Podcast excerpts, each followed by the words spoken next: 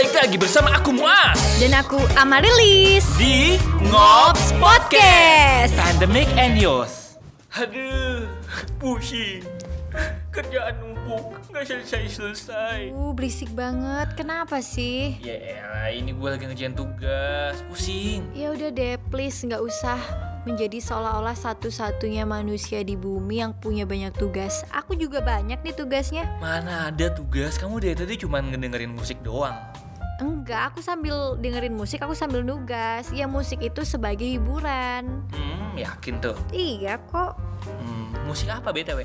Aku lagi dengerin ini lagunya Kak Anne Mary Annie Mary? ya dan Mbak Doja Cat. Hmm, tetangga gua tuh waktu TPA di UK. Aduh, kejauhan ya TPA-nya. Jelas. Lagi suka sih dengerin yang To Be Young. Oh, I want you to be young. Eh, itu punya pamungkas. Beda. Masa pamungkas cat? Gak mungkin. ini Doja Cat. Yang ini loh lagunya yang We just fall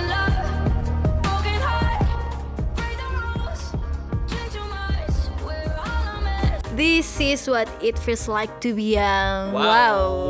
So English. Tapi kayaknya kita nggak minum deh. Gak Al- drink too much ya? Gak. Haram. Enggak maksudku eh, dari lagu ini tuh hmm, ternyata masa muda emang sewarna-warni itu gitu naik turun jatuh bangun kita break the rules gak bisa diatur Iya, tapi kalau sekarang kayaknya agak susah ya buat mewarnai hidup dengan segala problematika yang ada sekarang, cuy.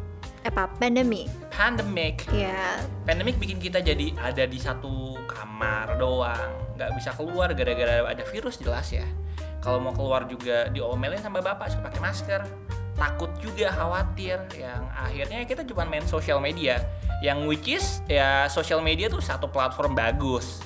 Bisa buat ningkatin potensi kita, bisa buat ngewadahi kita dari segala macam keresahan dan juga jadi market lah ya buat jualan juga bisa di situ. Betul Tapi gara-gara kebanyakan main sosmed, gue jadi stres cuy. iya makanya kan banyak juga tuh riset yang eh, pengaruh intensitas kita sama gadget pasti akan mempengaruhi tingkat stres kita juga gitu Oh gitu? Iya, banyak karena mau nggak mau ya apa yang kita konsumsi di gadget Mhm. pasti bakal ngaruh ke kita. Iya kalau misalnya kita lihat konten yang positif, tapi namanya manusia juga naik turun kan. Ada tuh tiba-tiba stres hmm, membandingkan hidup kita sama orang lain dan lain-lain gitu. Duh, apalagi tuh ya. Dari wow, wow fakta pasti datanya. Aduh, kok sebut? Iya betul. Belum lagi nih masalah sama keluarga di rumah. Hmm, Adik gua kan, tiap ada tugas siapa yang ribet? Wah, Iya itu mewakili sih suara hati para kakak-kakak di Indonesia. hei Jadi- anda, adik-adik yang terhormat, tolong kakak-kakak ini butuh waktu privacy. Hmm, tolong kerjakan tugas kalian sendiri ya. Kita juga punya me time. Enggak masalahnya mereka juga jadi korban gitu dari dampak pandemi terhadap pendidikan. Anak-anak ya biasanya kan harusnya belajar di sekolah nih. Iya. Nah, sekarang mereka harus di rumah gitu. Hmm. Sementara akar permasalahannya hadir dari mindset belajar kita sendiri. Kayak belajar ya, kita selalu mengartikan oke belajar harus di Rumah.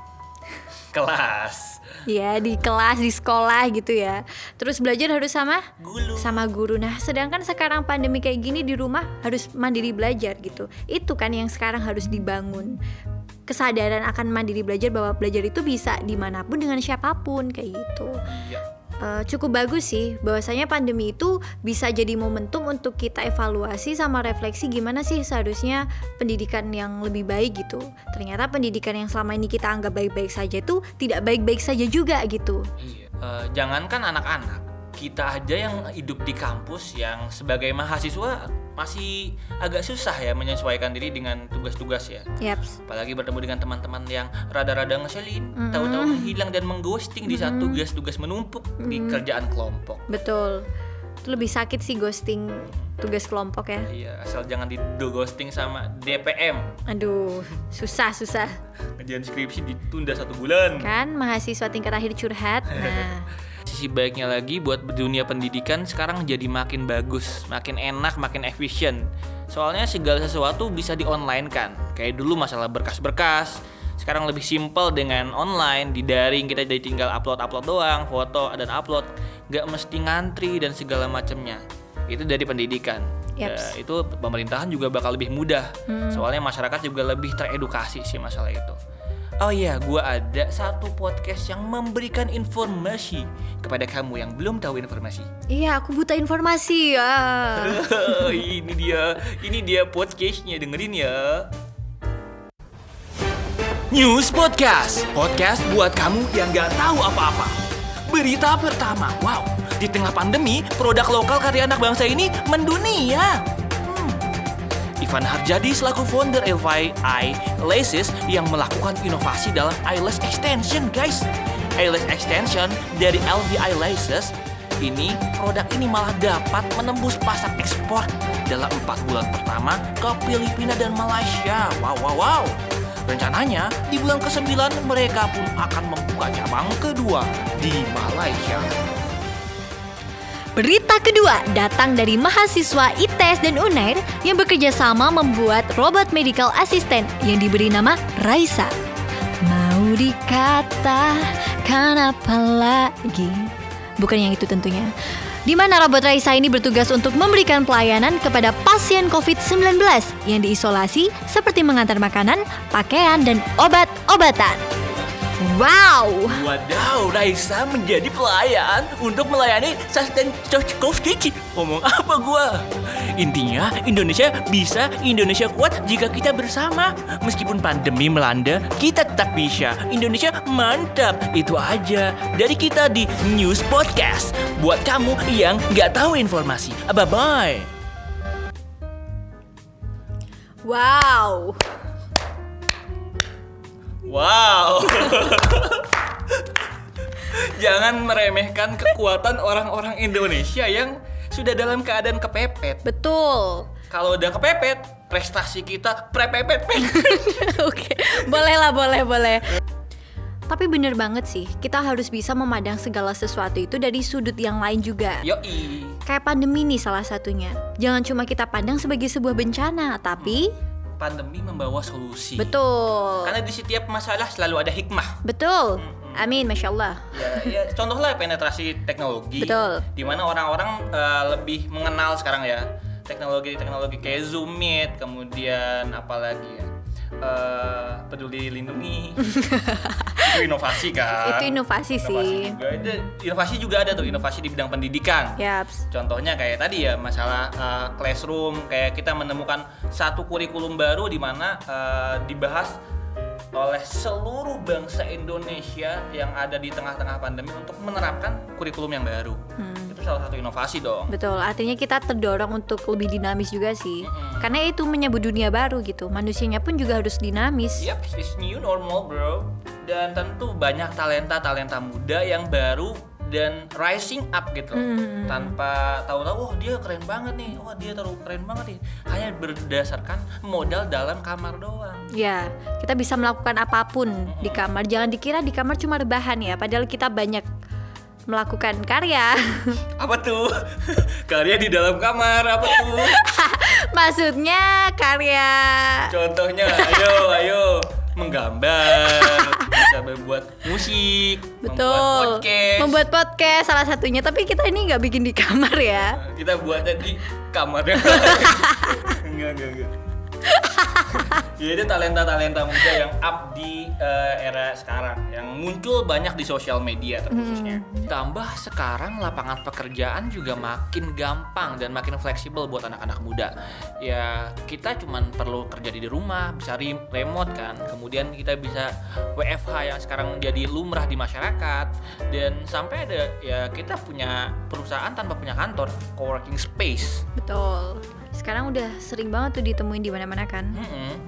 Ya, ya udah jadi makin mudah, makin gampang dan nggak ribet lagi gitu loh. Sampai apa? contohnya kayak buka toko tinggal punya Shopee misalnya. Dan itu jadi lebih dikenal karena kita nggak bisa keluar rumah. Akhirnya kita mengedukasi diri untuk belajar lebih di bidang eh, jualan online, semisal atau yang lain. Sosial media eh, satu. Nah betul tuh social media kalau kita bisa pinter-pinter nih ambil peluang di situ bisa jadi cuan.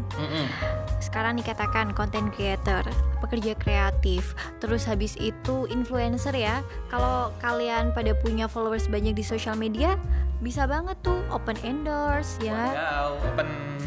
Apa? Eh, ya pokoknya banyak deh eh, inovasi-inovasi yang bisa dilakuin sekarang tuh Iya, apalagi sekarang pemuda-pemuda juga punya banyak kesempatan di berbagai sektor. Hmm. Di berpolitik yang dulu rada-rada tabu dengan pemuda, sekarang pemuda-pemuda masuk di politik. Tadi Makarim jadi Menteri Pendidikan. Hmm. Jadi caleg-caleg muda sekarang jadi salah satu kampanye partai caleg muda. Anda minat juga caleg. Oh, saya akan maju 2024. ih males banget jangan jangan. Males banget lihat banner lu di mana-mana gitu kan. Males.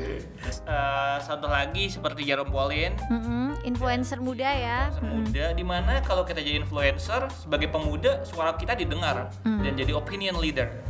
Dan jadi pemo- memotori gerakan-gerakan sosial.